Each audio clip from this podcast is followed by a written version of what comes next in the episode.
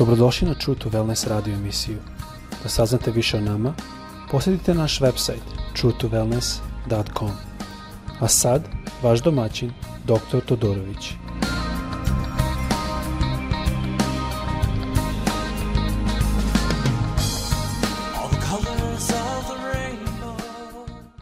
Ljubazni dobrodošli u naš podcast. Želim svav blagoslov vama i vašoj familiji.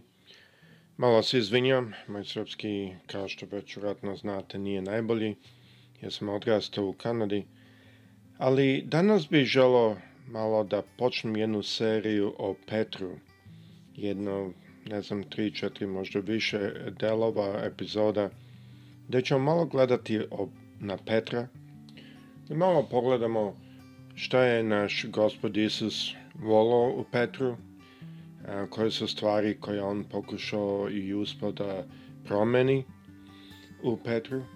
Želeo bi da pogledamo na Petra kao vernika i kakve stvari tu možemo videti.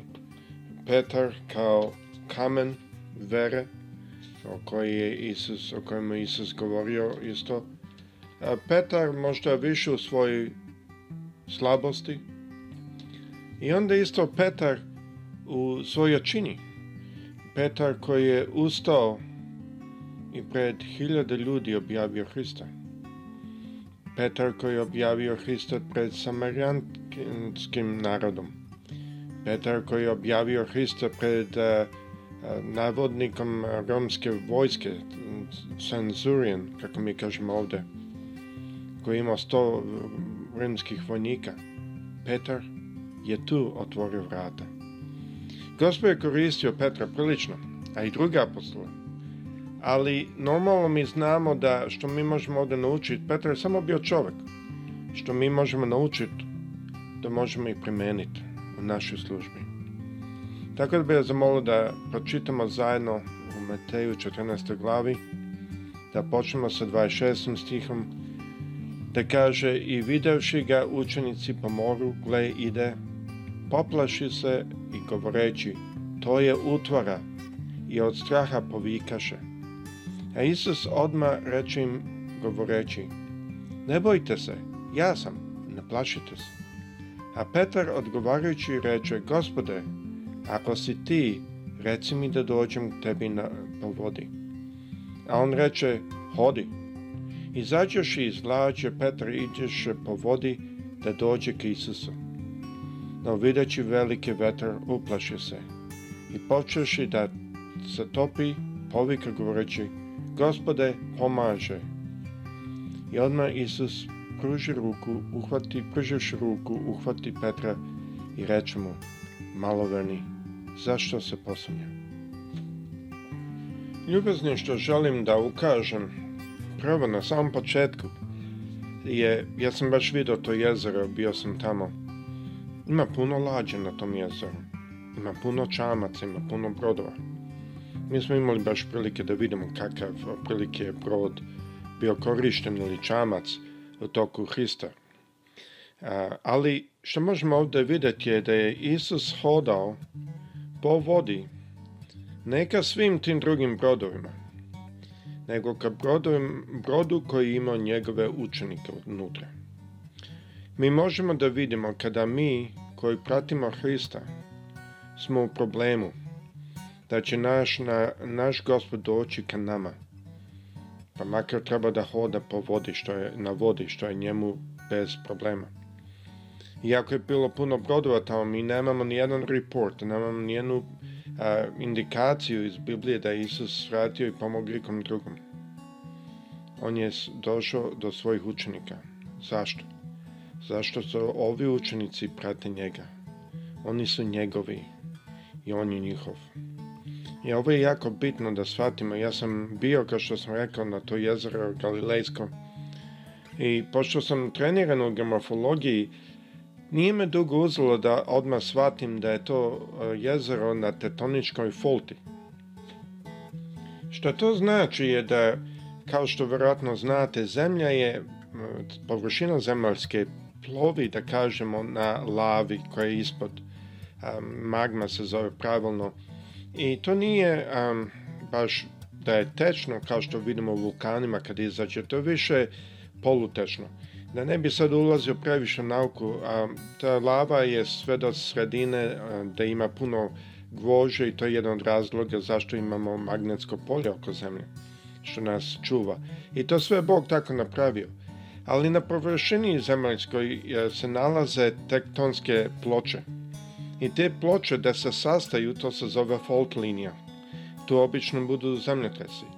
Ako ste zapazili da puno zemljotresa ume da bude blizu um, našeg mora, Crnogorska obala ili Hrvatska obala, to je zato što tamo ima fault linija. Ima i drugih, ima i prilično. Tako da naša zemlja uh, u Srbija ima svoje fault linije isto. I sada što sam shvatio kad sam bio na Galilejskom moru da linija ide ispod, baš po sredini mora. A, to jest jezera, to u stvari je voda. I e sada, što je bitno ovdje shvatiti je da ja mogu to prepoznat, pošto u treniranju sam, sam naučili da prepoznam koje vrste topografije obično se nalaze na fault liniji. To sam posle potvrdio kroz knjige da tu tačno je fault linija. Kad je tu fault linija što obično se dešava, pogotovo ova vrsta faulta da se razdvajaju aseta, taktonske ploče, šta se dešava je da je jako duboko. I obično nema puno area koje su, da kažemo, plitke ili ravne. Tako da vi možete sami da zamislite da je ovo bila duboka voda, kao što isto bilo kad sam ja bio tamo i kad smo bili, svuda smo putovali pored Galilejsko mogu vam reći da je vrlo brzo postane duboko. Sada zašto ovo delim je zato da ljudi ne bi mislili da ovo bila plitka voda i Isus je prosto hodao po površini, ali da to bilo jako plitko. Druga stvar što isto pokazuje tom pravcu je da neki od apostola, jedan broj njih, su bilo, bili ribolovci baš na, toj, na tom jezeru. A u to znači da bi oni poznavali svakako jako dobro to jezero. Tako da ako bi bila neka tu e, plitka ere, da bi oni sami po tome izašli, pogotovo ako njihov život u opasnosti. A, ja, kao što sam rekao, vidio sam to su sve breda okolo koji ide prilično strmo u, tu, u vodu a, i uključujući mjesto da Isus a, govorio svoje propove sa, sa brda, kako mi kažemo ovde, bio sam na tom mestu isto je prilično lepo mesto, a, prilično je dobro da se čuje, da mogu hiljade literalno ga čuti, ali to isto je takva situacija da ide u vodu duboko. Pojenta ovde je da Isus je hodao po dubokoj vodi. I e sada ovo se dešavalo negde između 3 i 6 ujutru. Verovatno bliže 6 jer su studenti mogli da prepoznaju ko je to, ali su mislili da je on duh. Kad su ga učenice videli, oni su se uplašili, Isus je rekao, ja sam. A na grčkom to je ego eimi. Um, to znači, to je ista fraza koja se sa čeka da se koristila u Izaji 40. glava 50. stih, gdje um, je is, gospod govorio da je on jedini koji može da spasi njegov narod. Naš gospod je poslao njima rekao, ne bojte se, ja sam ne plašite se. Tu je on koristio grčku reč fobeš iz iste, a ja vratno to ne, iz, ne izgovaram pravilno, ali ovo je očekuje se da ista reč što je korišteno u Isaiji 41.10, te kaže ja, ne budi, ne plašite se, ja sam s vama. Nemojte okolo gledati u strahu, ja sam vaš Bog. Tu se koristi ista reč Freud eh, Stiber, a, a ono što je ranije pisano ego imi, to isto se koristi u tom stihu, stihu gde govori ja sam vaš Bog. To je zanimljivo meni da Isus koristio potpuno iste reči tu što je gospod koristio u Isaiji. I Petar je ovde sada njemu odgovorio i rekao, gospode, ako si ti, eh, kaže na srpskom, kaže, reci mi da dođem tebi po vodi ali ja kad sam proverio to na engleskom, je, na engleskom kaže command me, naredi mi, onda sam mislio pa što kažu na grčkom? Na grčkom, na grčkom reč kaže daj zapovest da ja dođem tebi na vodu. To je sada malo drugčije kako je Petar to izjasnio. Petar je u tome pokazao da on svača da je Isus onaj koji može da zapoveda, ja bi zaključio vratno anđelima, da ga drže da on može doći njemu po vodi. I malo ćemo o tome više govoriti na jedne epizode, ali meni je jako zanimljivo da je, da je Petar zamolio Hrista da mu zapovedi da dođe njemu po vodi.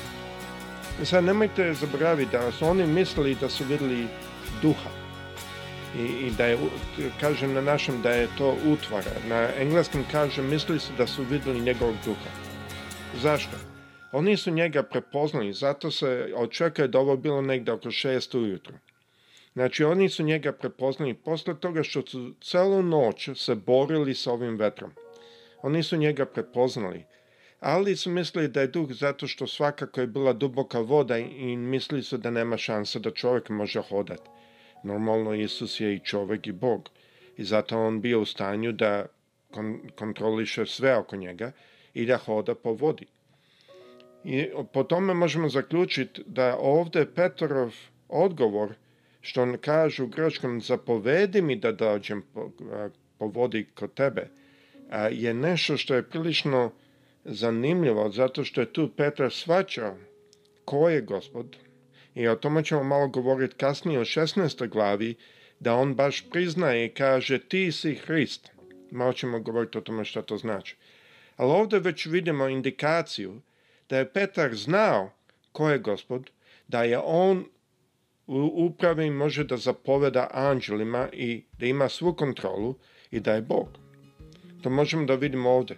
E sada, to nije bilo nešto što se oni očekivali za Mesaja, za Hrista jevrejci kad su očekivali da dođe Hrist, oni su očekivali da on sin Boži i da će on da savlada neprijatelje. Ali oni nisu svačali da je on isto Bog. Ta, to razumevanje, barem prema našim teologičnima, a, e, nije uvek bilo jasno među jevrejima. I to je jako bitno jer su oni imali drugu ideju o Hristu, nego što je, što je Hrist došao. Oni nisu očekivali da će on umreti za nas i naše grehe. Oni nisu očekivali da će on podići vojske i boriti Rimljane. Tako da je Petar isto to očekivao. A e sada na narednom epizodu ćemo malo gledati o Petru, gleda kakav je Petar bio i um, kako je on hodao, zašto je hodao po vodi i malo ćemo nastaviti posle da uđemo u to šta je i kako je Petar shvatio da je Isus Hrist E, sin Boga živog. I to je isto bitno da malo tu spomenemo što je rekao sin Boga živog, e, jer u to doba je to bilo prilično bitno. Tako da želim da vas pozdravim, ovo je sada deo prvi, a naredni put kada budem govorio malo ću nastaviti i onda ćemo posle otići gledati Petra u drugim e, situacijama da malo vidimo što možemo od njega naučiti. Petar je svakako bio brz, ali isto je tako imao jedno srce koje je verovalo Hristu. Vrlo slično Davidu s jedne strane, koliko mi možemo brojem zaključiti. I verujem da tu ima jedna poruka za nas. Tako želim sve da vas pozdravim, gospod sa svima vama. Prijatno.